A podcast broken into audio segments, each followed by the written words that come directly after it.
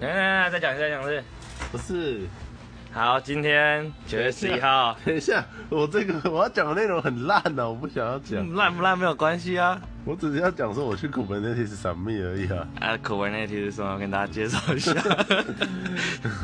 没有没有没有，不行，不行我怕我介绍得很烂，好，那没关系，那不要介绍了。反正你今天去了一个很有趣的活 动，应该没有很有趣，从头到尾我都很想睡觉。那你是去干嘛的？老板逼你去的。没有，老板，我感觉这是很蠢。简单讲就是，我去，我他问我说要不要去，然后我说我不要去，他就说你是以为你很强啊了是不是？去学一 下啊！我就说，可是这种东西，这种这种这种大拜拜的东西有什么好去？然后他就说。你就去啊，然后我就说好，那那我就去。然后隔天申请完的时候说，哎、那个他就问我说你有要去吗？我说哦有啊，我要去。去那干嘛、这不是大拜拜的东西，你 学得到东西吗？我就干嘛？我就是要去啊。